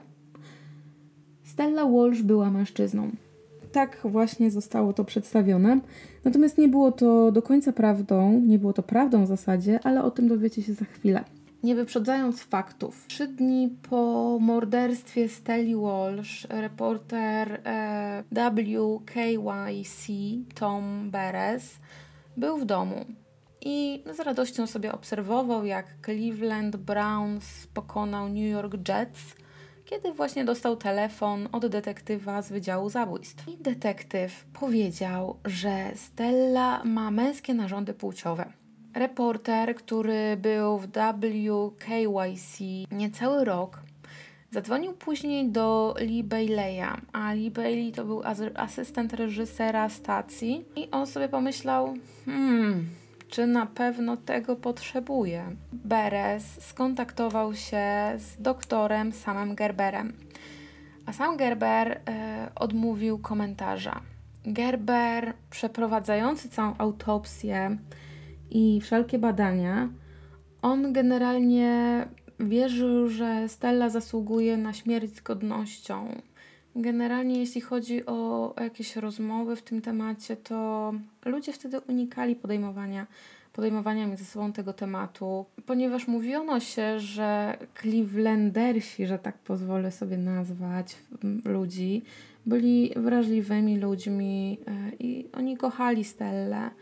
I poza Krakowem to było drugie miasto, które miało największą polską populację na świecie. Natomiast e, Lee Bailey, czyli asystent reżysera stacji, który pochodził z Ohio, wiedział, że właśnie ta wiadomość może zniszczyć reputację kobiety, która to kobieta ciężko pracowała na tę reputację do, przez całe życie. I tak naprawdę do czasu raportu koronera y, nikt nie miał nic złego do powiedzenia o Stelli. E, zastanawiał się Lee Bailey, czy, czy powinien w ogóle podejmować tego, ten temat, czy powinien to gdzieś zgłaszać. W dzisiejszych czasach e, to może nam się wydawać trochę podejrzane, że stacja telewizyjna ma takie skrupuły, żeby zastanawiać się, czy odpuścić taką sensacyjną historię. Natomiast jeśli chodzi o miasteczko Cleveland, to to był generalnie sekret Stelli a wszyscy e, z Cleveland byli dobrzy w tym, że trzymali te sekrety w, w tajemnicy. Natomiast y, mieszkańcy Cleveland też nie chcieli, czy telewizja bardziej debatowała nad tym, bo nie chciała, żeby miasteczko Cleveland znowu wyglądało źle. No i pytanie, czemu znowu wyglądało źle? Ponieważ miasto to w ogóle miało taki przydomek, który nazywał się Błąd na jeziorze, czyli Mistake on the Lake. A wzięło się to stąd, że rzeka Cuyahoga zapaliła się, ponieważ była tak zanieczyszczona i była tak oleista.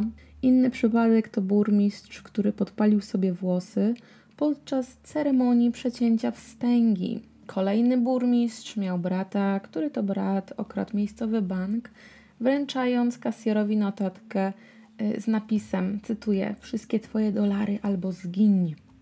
Koniec cytatu. Mimo wszelkich przeciwności i mimo wszelkich takich dywagacji, czy ujawniać, czy nie, historia Steli, jak wiecie, y, ujrzała światło dzienne i była przyczynkiem do globalnej dyskusji, czy odebrać jej medale, czy nie odebrać jej medale, ale znowu nie będę wyprzedzać faktów. Historia Stelli została też częściowo uznana za istotną, ponieważ podczas Igrzysk Olimpijskich w roku 1980 było podejrzenia o oszustwa ze strony wschodnio-niemieckich i rosyjskich kobiet, które to miały brać sterydy i miały oszukiwać właśnie za pośrednictwem sterydów. No i była to dosyć sensacyjna wtedy wiadomość. Natomiast wróćmy do Stelli. W przeddzień jej pogrzebu Beres powiedział widzom WKYC, że Stella ma męski narząd płciowy. I konkurencyjna stacja WEWS E, po zdobyciu takich informacji musiała wymyśleć coś, coś szybkiego, coś bardziej nośnego, ponieważ była to era, jak to tutaj przeczytałam, dzikiego zachodu wiadomości telewizyjnych. Także stacja WEWS stworzyła taki bardzo chwytliwy zwiastun dla swojego raportu. Ten raport został nadany następnego dnia. Raport nosił e, nazwę Stella Łozafela, czyli Stella była mężczyzną.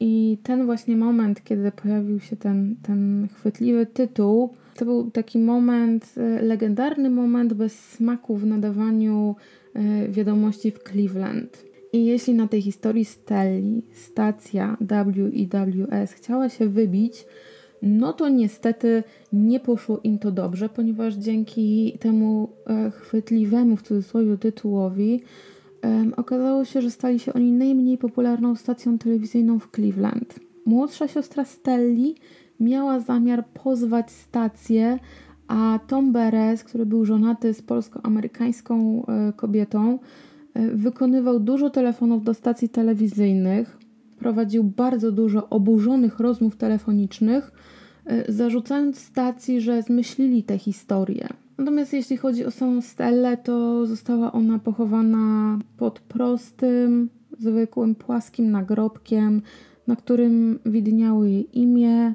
e, polskie nazwisko, dwa krzyże, kółka olimpijskie i słowa czempion olimpijski. Tutaj historia Stelli się jeszcze nie kończy, ponieważ e, Wydział Zabójstw Cleveland został zalany różnej maści informacjami, które dotyczyły śmierci Stelli, ponieważ nagroda, jaka została zaproponowana za wydanie sprawcy albo sprawców, została ogłoszona na wysokość 5000 dolarów. Przez kilka miesięcy detektywi prowadzący sprawę skupiali się na kobiecie, która nazywała się Nancy Jo Dale.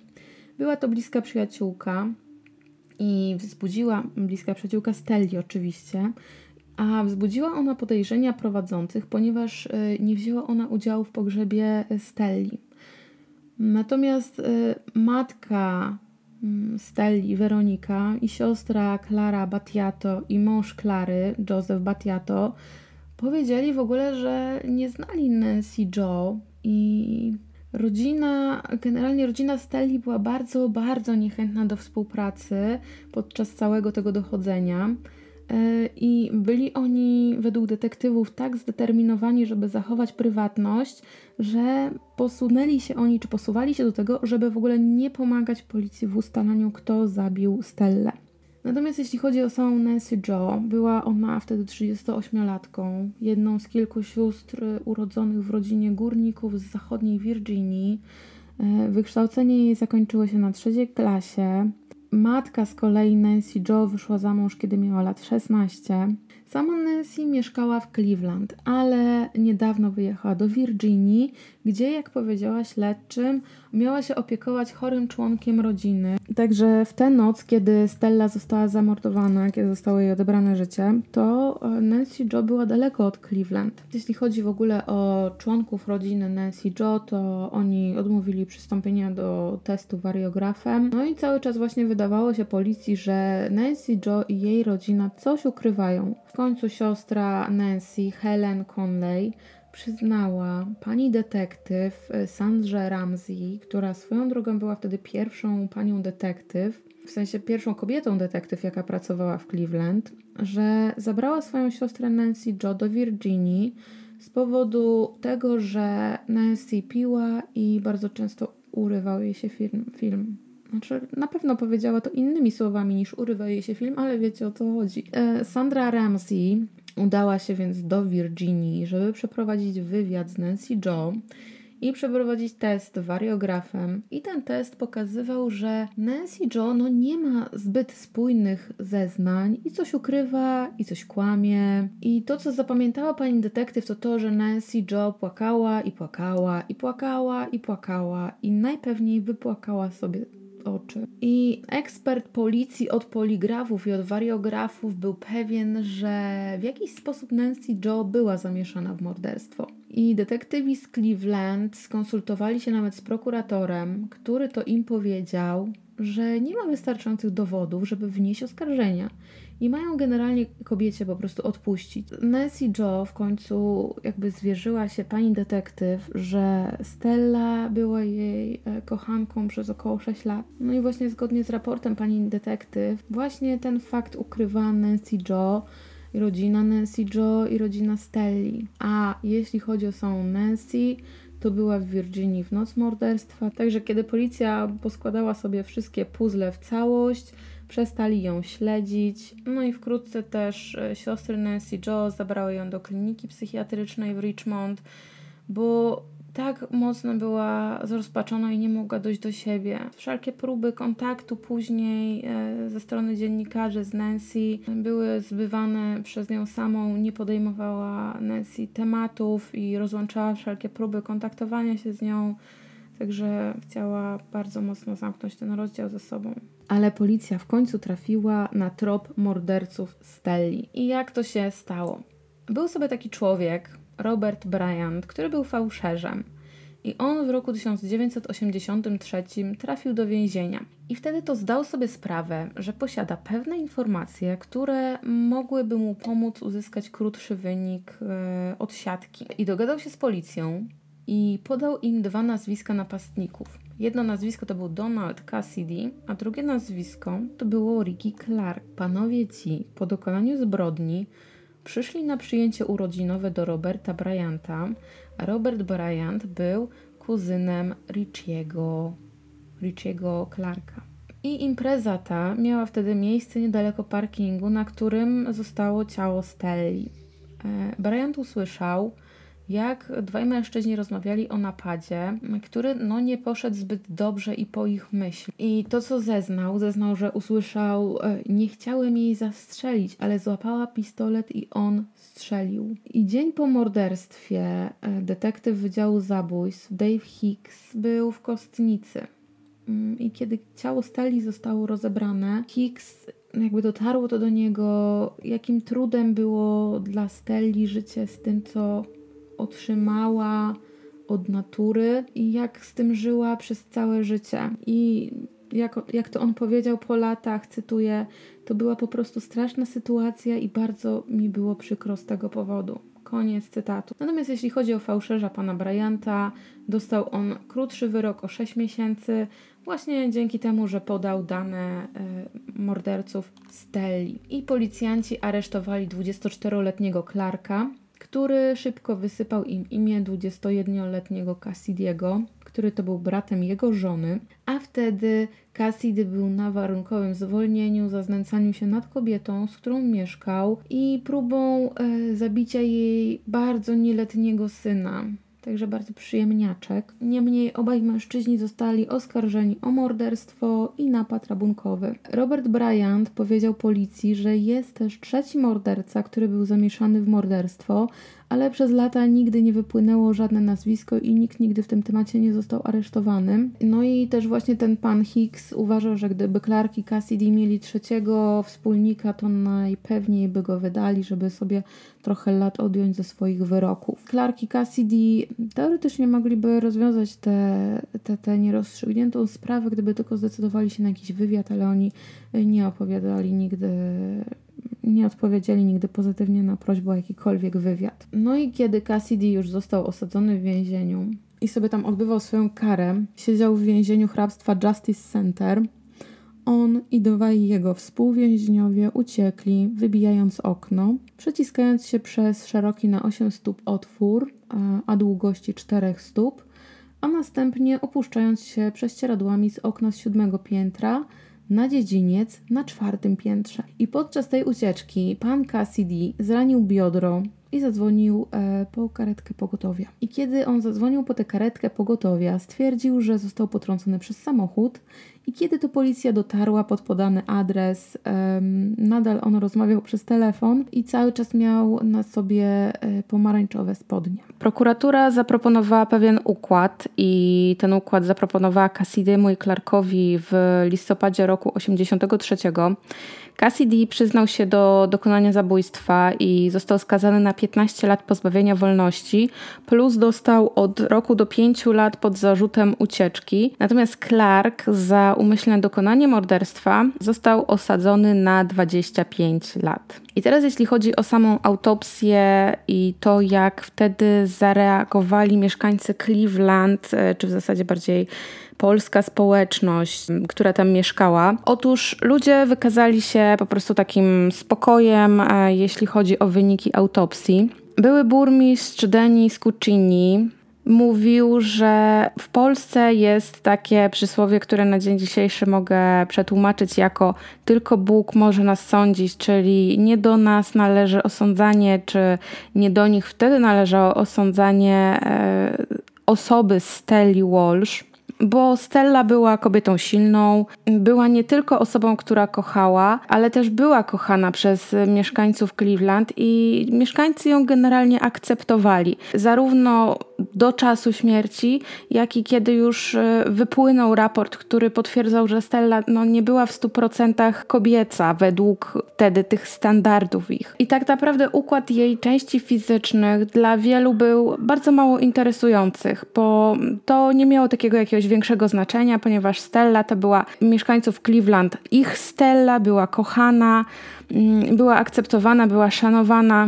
Głębsza historia, jeśli mogę tak powiedzieć, dotyczyła tego, jak Cleveland radziło sobie z delikatnymi kwestiami społecznymi na długo przed innymi miastami i akceptowali ludzi takimi, jakimi oni byli. Podejście tego miasta to było wtedy takie na zasadzie żyj i daj żyć innym. I Polacy, którzy mieszkali e, wtedy w Cleveland i w okolicach, zorganizowali protesty pod stacją e, Channel Free i bojkotowali stację i grozili pozwami. WK KYC potrzebowało podać źródło swojego zgłoszenia, i, bo w przeciwnym razie nastąpiłoby postępowanie sądowe i wtedy jakby to źródło musiałoby zostać z nich wyduszone. I jedyny człowiek, który prawdopodobnie na pewno wiedział e, cokolwiek więcej o stanie fizycznym Stelli, to był Sam Gerber. On z kolei był bardzo ostrożny w swoich osądach, mm, bo nie do końca był tak naprawdę pewien tego, z czym się zetknął. A Sam Gerber był wtedy bardzo szanowanym patologiem z wieloletnim stażem. W oświadczeniu dla prasy on przywołał postać Johna Lennona, ponieważ e, John Lennon tak się złożyło, że on został zamordowany cztery dni po Stelli.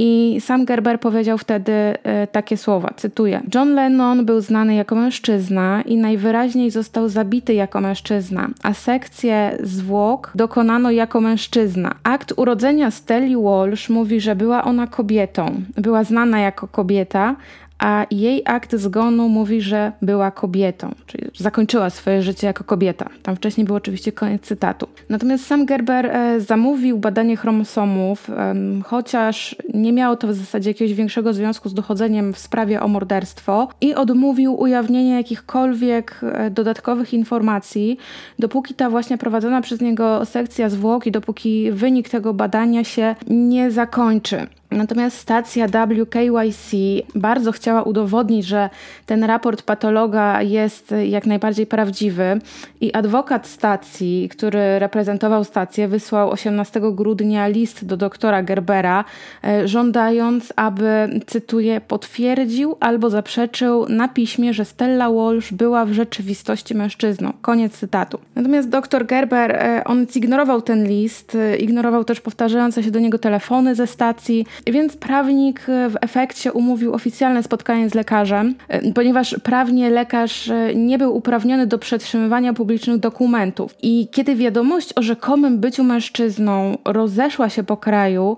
w prasie zaczęły pojawiać się takie nagłówki, które podważały osiągnięcia i podważały to, kim była Stella, jej płeć. I jeden z takich nagłówków e, zatytułowany był mm, Bohater czy bohaterka? Natomiast jeśli chodzi o samego doktora Gerbera, to on z kolei nie mógł przetrzymywać zbyt długo właśnie tych, e, tych dokumentów publicznych, nie mógł przetrzymywać wyników autopsji i wreszcie pod naciskiem nakazu sądowego musiał ujawnić, co do czego jakby doszedł. No i w, tym, w tych dokumentach było zapisane, iż Stella ma małego, słabo rozwiniętego penisa, bez otworu na mocz lub nasienie. Prawdopodobnie wyglądało to jak duża łechtaczka, to z kolei powiedział inny doktor, który jakby oceniał to, y, ten, ten raport. I nowojorski patolog sądowy, właśnie ten doktor, on się nazywał Jonathan Hayes, uważał, że Walsh e, mogła mieć erekcję. Miała też moszne z małymi jądrami i miała piersi, które e, dr Gerber opisał jako męskie, ale też e, nie miała pochwy, nie miała żeńskich narządów płciowych e, i co za tym idzie, nie miesiączkowała. Sam Gerber opisał natomiast niezwykły mały otwór w kroczu, przez który oddawała mocz. To wynikało jakby z, tego, z tych dokumentów, z tego raportu. To, co jeszcze raport ujawniał, to to, że gdy Stella została zastrzelona, miała stężenie alkoholu we krwi, które odpowiadało wypiciu 8 piw w ciągu godziny. No i możemy tutaj sobie domniemać, że prawdopodobnie ten stan nietrzeźwości doprowadził do tego, że podjęła taką, a nie inną decyzję, żeby walczyć ze swoimi napastnikami. Natomiast jeśli chodzi o e, raport i sekcję zwłok, też wskazano, że jej wątroba była w stanie zaawansowanej marskości, serce było osłabione i powiększone i była na bardzo wczesnym etapie raka jąder. Także tutaj z powodu choroby serca i alkoholizmu i tego raka prawdopodobnie jest szansa, że umarłaby w przeciągu około dwóch albo trzech lat, tak jak e, potwierdził to dr Gerber. Natomiast doktor e, zostawił puste miejsce, w którym e, jest mowa o identyfikacji płci zmarłego. I zamiast e, użyć w raporcie zaimka on albo ona, użył zaimka osoba. Jakby do końca doktor starał się jednak zachować ten sekret Steli i nie robić z tego E, jakiejś afery. Dwa miesiące po śmierci Steli Walsh e, dr Sam Gerber otrzymał wyniki raportu doty dotyczącego chromosomów Steli. Natomiast z tego raportu wynikało, że kobieta miała mieszankę e, chromosomu XY oraz XO. No i jakby tak tylko delikatnie e, musnąć odrobinę biologii, to zestaw chromosomów XX odpowiada e, płci żeńskiej, natomiast XY męskiej, a ten chromosom XO uważany jest jako mm, nieprawidłowy żeński gen. Tak genetycznie stan, w jakim była Stella, czy czym żyła Stella na co dzień, określa się jako mozaicyzm i to jest e, obecność dwóch linii komórkowych o różnym genotypie u jednego osobnika. Ten błąd po powstaje tak naprawdę na bardzo wczesnym e, etapie rozwoju płodu podczas podziału komórek. I patolog przyznał, że w chwili urodzenia biegaczki, kiedy Stella się urodziła, faktycznie e, mógł tutaj wystąpić problem z określeniem płci, ale y, niewykształcony narząd męski mógł wtedy jeszcze nie rzucać się w oczy, co z pewnością z kolei zmieniło się podczas okresu dojrzewania. Finalnie Stella została określona jako osoba interseksualna albo y, inaczej hermafrodyta. I teraz, jeśli chodzi o taki przykład chorób e, czy zespołów, gdzie ten mozaicyzm może wystąpić, to na przykład jest bardzo rzadka odmiana e, zespołu Downa albo bardzo rzadka też odmiana zespołu Turnera. E, jeśli chodzi o autopsję, którą wykonywał dr Gerber i o jego dokumenty, to on zrobił na marginesie taki odręczny odpisek, że Stella była jednak mężczyzną. Natomiast mimo tego wszystkiego, to Stella społecznie, kulturowo, prawnie, ona była akceptowana na każdej płaszczyźnie jako kobieta i była akceptowana um, na każdej płaszczyźnie przez 69 lat. Tak jak powiedział dr Gerber, ona urodziła się jako kobieta, żyła jako kobieta i zmarła jako kobieta. Natomiast prasa nie popisała się jakąś taką, e, no wiecie, generalnie szukanie sensacji, więc i tytuły nagłówków muszą być sensacyjne, więc e, większość gazet donosiła, że Stella miała męskie narządy płciowe lub e, nawet nie, że dodatkowo męskie narządy płciowe, tylko przede wszystkim męskie narządy płciowe. Nawet e, gazeta Washington Post e, taki nagłówek, gdzie napisali Stella Walsh nie była nią, co udokumentowała autopsja. Naprawdę temat został bardziej rozszerzony przez doktora Lestera Adelsona, który był e, następcą sama Gerbera, który miał w środowisku reputację myśliciela, takiego człowieka, który posługuje się aforyzmami, porównaniami z bardzo takim, wiecie, rzeźkim umysłem. I doktor Adelson e, wyjaśnił, że kwestia płci Stelli to nie była taka bardzo jednoznaczna rzecz, to nie była sprawa zero-jedynkowa. Nie była ona ani mężczyzną, nie była ona ani kobietą, nie była też ona kawałkami obu, jak to doktor powiedział. I powiedział też, że natura jest nieskończona w jej przejawach. To nie wystarczyło ludziom i e, stacja WKYC skontaktowała się z jeszcze kolejnym lekarzem, żeby zasięgnąć jego opinii. I doktor ten powiedział, że nie ma wątpliwości, Stella Walsh była mężczyzną. Tym doktorem był dr Cyril Wedge. Właśnie opinia tego doktora została jakby podniesiona przez stację WKYC, co obrazowała tak naprawdę odpowiedź kierownika stacji y, Nila Van Elsa. I pan Van Els na początku swojej kariery był speakerem zapaśniczym i był bardzo znany wśród swoich współpracowników jako taki e, szorstki, tępy prostak, więc odpowiedział też e, dosyć prostacko, że cytuję: Jeśli Stella Walsh nie byłaby medalistką olimpijską jako kobieta sportowiec, to historia nie miałaby znaczenia. Odkąd wiemy, że nie była kobietą, mamy światowe oszustwo. Koniec cytatu. Czy to było oszustwo? Zostawiam to Waszej ocenie, natomiast myślę, że do jakichś opinii, podsumowań jeszcze będzie czas. Natomiast na kim e, największe wrażenie zrobiło, e, zrobił wynik autopsji? Oczywiście, że najbardziej zaskoczony wynikiem autopsji był mąż Stelli, eks-mąż w zasadzie Stelli wtedy, Harry Olson. I kiedy e, skontaktował się z nim reporter e, pewnej gazety, i Olson wyjaśnił, że miłość między nimi odbywała się tylko kilka razy i tak naprawdę Stella nigdy nie pozwalała e, zapalać mu żadnych świateł. Z kolei jego koledzy też tam sobie robili już różne takie podśmiechujki i droczyli się, że aha, może to dlatego, że Stella ma męskie narządy płciowe.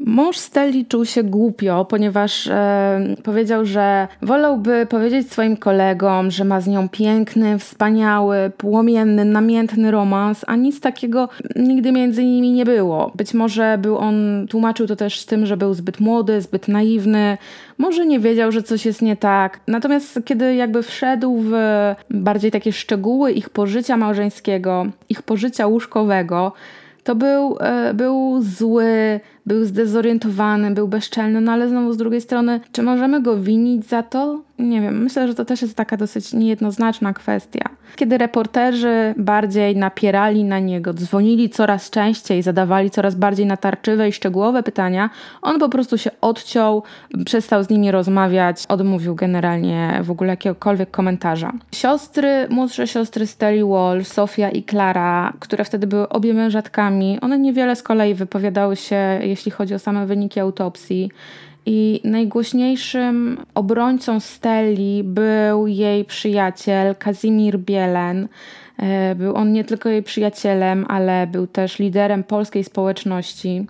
Natomiast on był mm, przedstawicielem czy głównym założycielem takiego ruchu obrońców e, Steli i on wyłożył 5 tysięcy dolarów na kampanię SOS i to SOS było czytane jako Save Our Stella.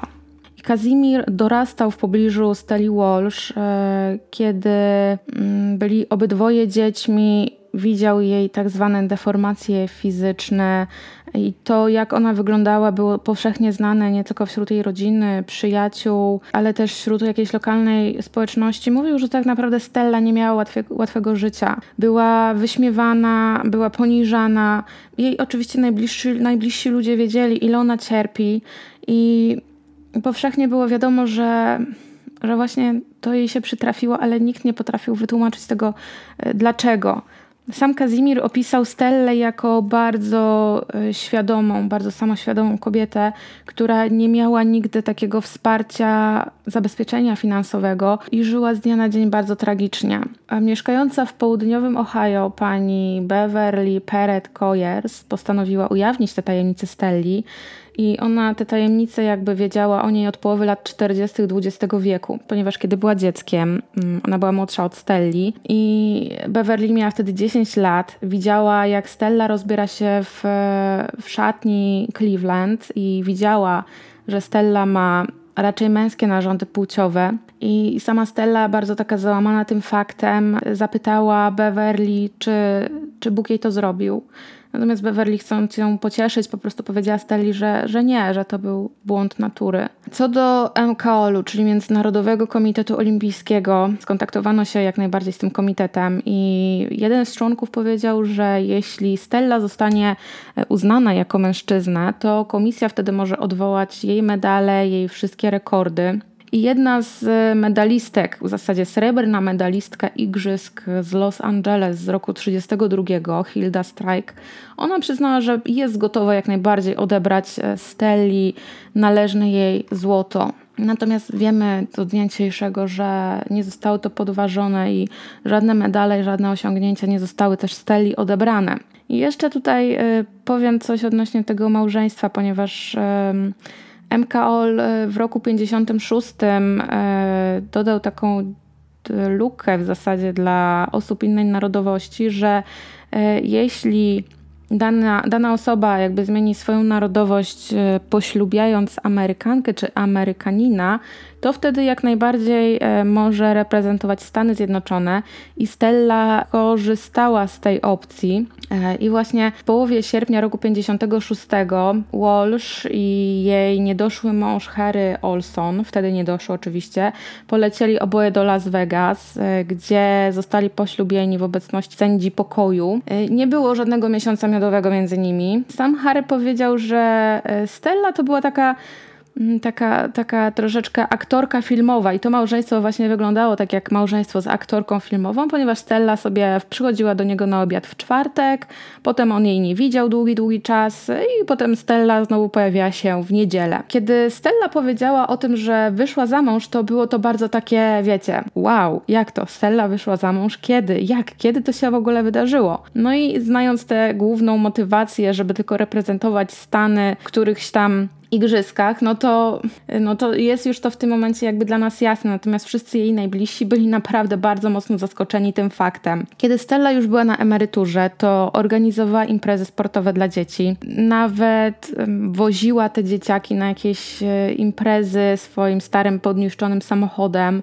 Nie otrzymywała za to żadnej zapłaty i jedynym jej dochodem w tamtym czasie to było ubezpieczenie społeczne. I dopóki e, burmistrz Denis Kuczynik nie zainterweniował i nie dał jej pracy, w której ona mogła się spełniać i mogła kierować programami ćwiczeń fizycznych i miejskimi igrzyskami olimpijskimi, no to Stella właśnie utrzymywała się z, tym, z tego ubezpieczenia społecznego e, i gdzieś też znalazłam informację, że prowadziła lokalny bar. Stella opisywana była właśnie przez, przez tego burmistrza jako zabawna, miła, przyjazna, bardzo miła osoba, uśmiechnięta, z takim poczuciem humoru. Jej bliscy widzieli, że Stella dużo pije. Mm, kilka razy w tygodniu odwiedzała właśnie sklep Uncle's Bill, e, kupowała tam alkohol.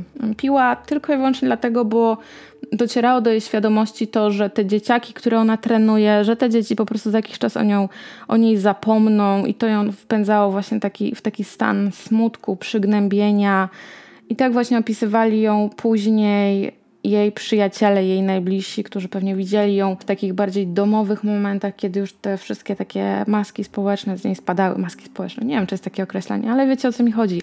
Dla ludzi z zewnątrz mamy jedną twarz i pokazujemy, że wszystko w porządku, a w domu możemy być sobą i dla tych takich najbliższych osób. Natomiast Stella e, im bardziej się starzała, też wyglądała coraz dziwniej, ponieważ tak jak pamiętacie, kiedy została zastrzelona, nosiła perukę, nosiła platynową perukę, bo łysienie spowodowało, że spora część jej włosów już e, wypadła. Miała też przyklejaną parę sztucznych brwi i nie wyglądała też dobrze, ponieważ e, w latach 70., w połowie lat 70., została napadnięta a jej twarz została obita stalową rurą, więc nos miała taki, wiecie, dosyć złamany i spłaszczony, co raczej później nie dodawało jej e, plusów, jeśli chodzi o jakiś wygląd i bardziej opisywano ją z takiej fizyczności jako weteran polskiej piechoty. Po tym właśnie napadzie w połowie lat 70. Stella y, nosiła mały srebrny pistolet na wypadek, gdyby ponownie została okradziona. Natomiast ostatnim razem już niestety nie miała możliwości użycia tego pistoletu. Po oficjalnym opublikowaniu wyniku sekcji zwłok um, MK Ol generalnie zapowiedział, że rozważy odebranie jej medali.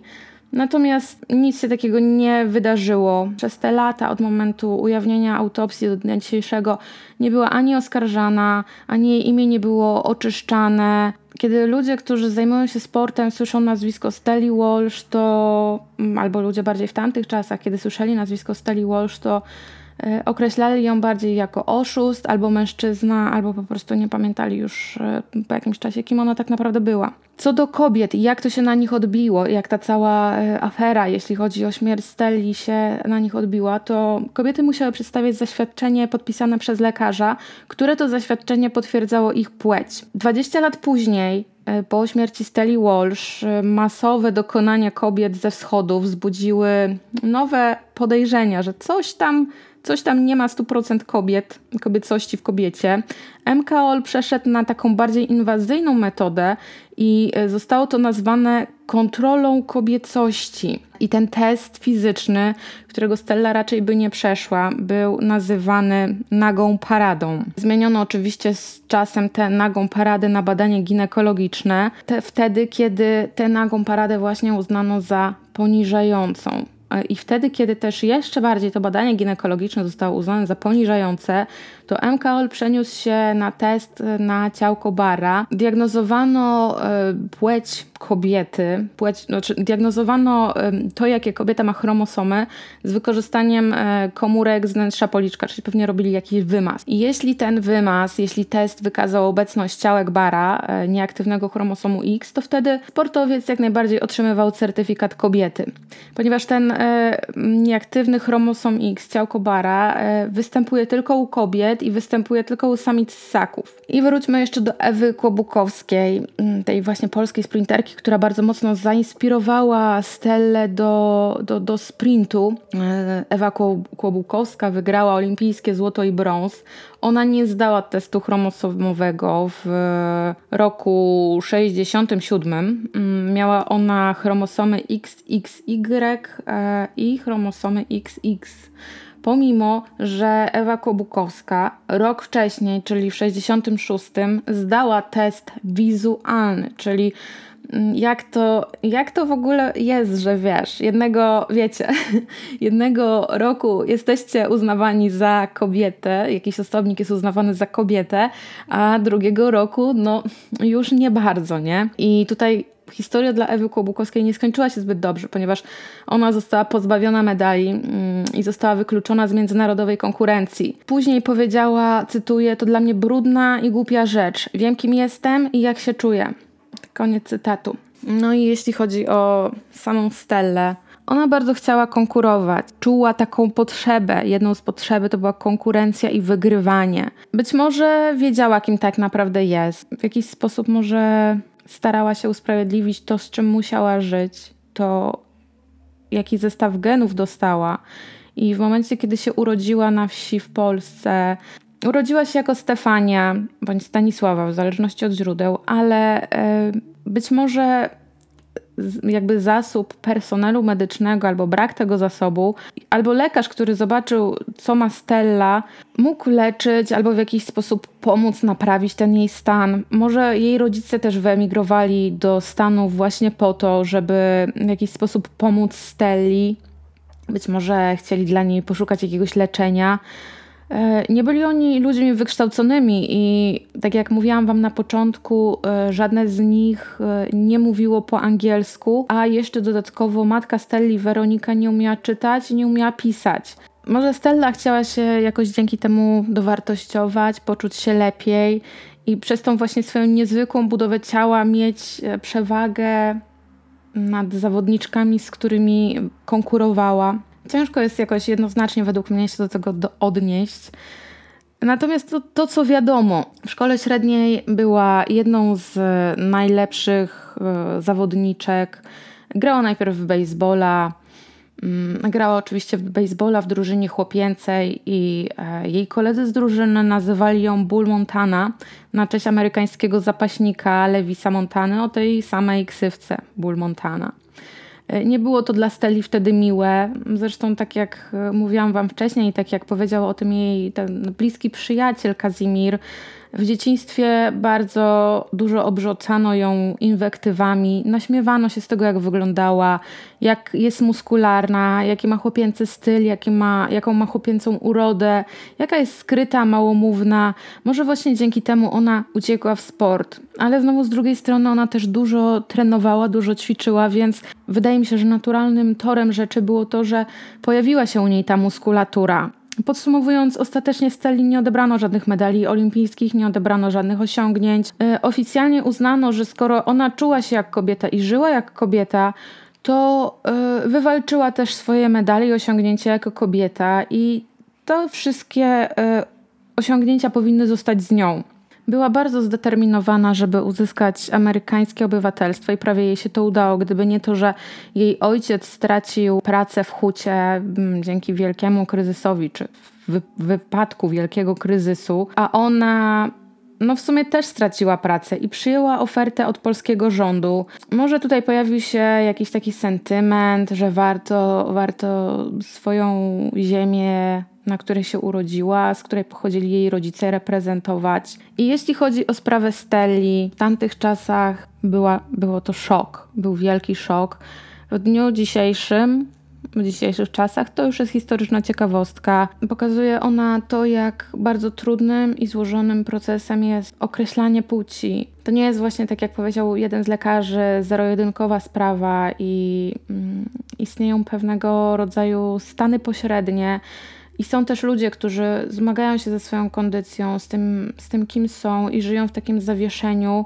I często nie mają takiej świadomości tego, kim są. I według statystyk jest to około od 1 do 2% całego społeczeństwa. Stella, tak jak wspomniałam, była muskularna, ale mogło to też być wynikiem faktu, że całe życie trenowała, cały czas uczestniczyła w sporcie i nawet jeszcze w roku 77, kiedy przyleciała do Polski e, z jedną ze swoich podopiecznych, ona rządziła na, na, podczas biegu, podczas sprintu w kategorii weteranów. Tak naprawdę, jeśli chodzi o jej, że tak się wyrażę, życie po śmierci, jej legendę po jej śmierci, to zadecydował o tym kompletny przypadek, bo gdyby Stella umarła z przyczyn naturalnych, to tak naprawdę nikt by się o tym nie dowiedział, nikt tutaj nie podważałby żadnych tego, czy ona była kobietą, czy ona była mężczyzną, jej e, osiągnięcia nie byłyby tematem jakiejś szerszej debaty narodowej czy nawet ogólnoświatowej i byłaby traktowana jako jedna z największych legend światowego polskiego sportu.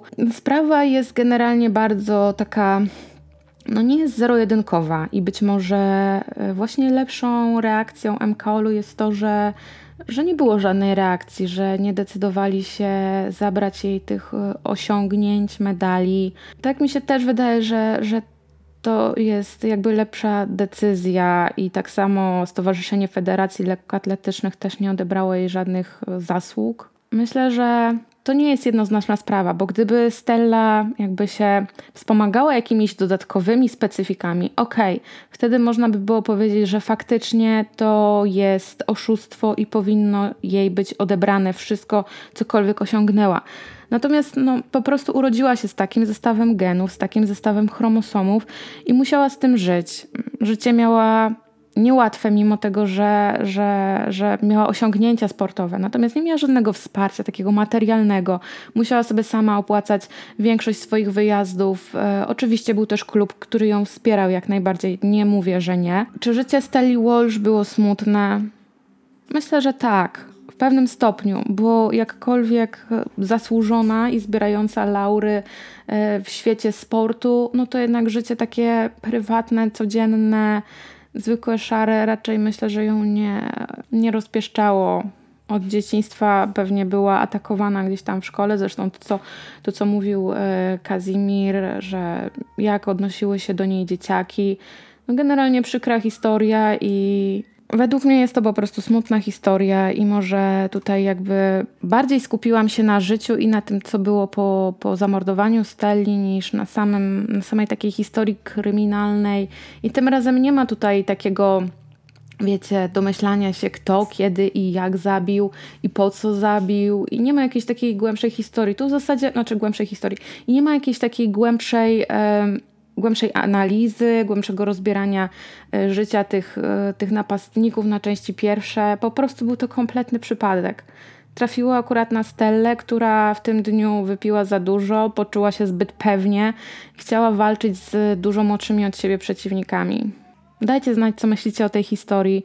Natomiast ja Wam bardzo, bardzo mocno dziękuję i przepraszam, że zostawiam Was na troszeczkę dłużej bez żadnego podcastu, ale um, chyba do mnie dotarło, że jeśli chcę robić takie, wiecie, naprawdę dosyć długie i nasycone informacjami na maksa podcasty, to po prostu potrzebuję więcej niż tydzień czasu, bo czasami nawet e, ponad tydzień zajmuje mi zebranie materiałów do, e, do, do, do podcastu.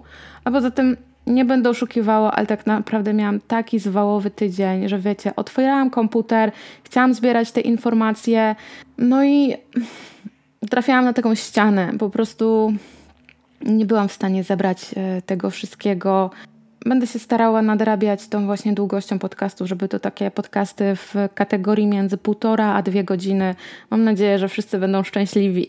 Mam nadzieję. Dziękuję Wam bardzo za wysłuchanie kolejnego podcastu. Mam nadzieję, że Wam się podobał. Trzymajcie się cieplutko. Jest coraz lepiej wokół nas, gdyby tylko nie te deszcze, ale już jest ciepło, jest lato. E, są młode warzywa, młode owoce, chce się żyć, jest dużo słońca, no i cóż, do usłyszenia następnym razem. Także trzymajcie się cieplutko. Zachęcam Was do zostawienia łapy w górę. Mm, ten podcast nagrywam na części, więc być może miejscami będzie trochę ciszej, będzie troszeczkę głośniej, e, ale mam nadzieję, że większych błędów jakichś tutaj nie będzie. Zostawcie łapę w górę, zostawcie subskrypcję. Bardzo w ogóle się cieszę, że przybywa subskrybentów e, i że te podcasty Wam się jakoś w miarę podobają. Także do usłyszenia niebawem i trzymajcie się cieplutko po raz kolejny. Cześć!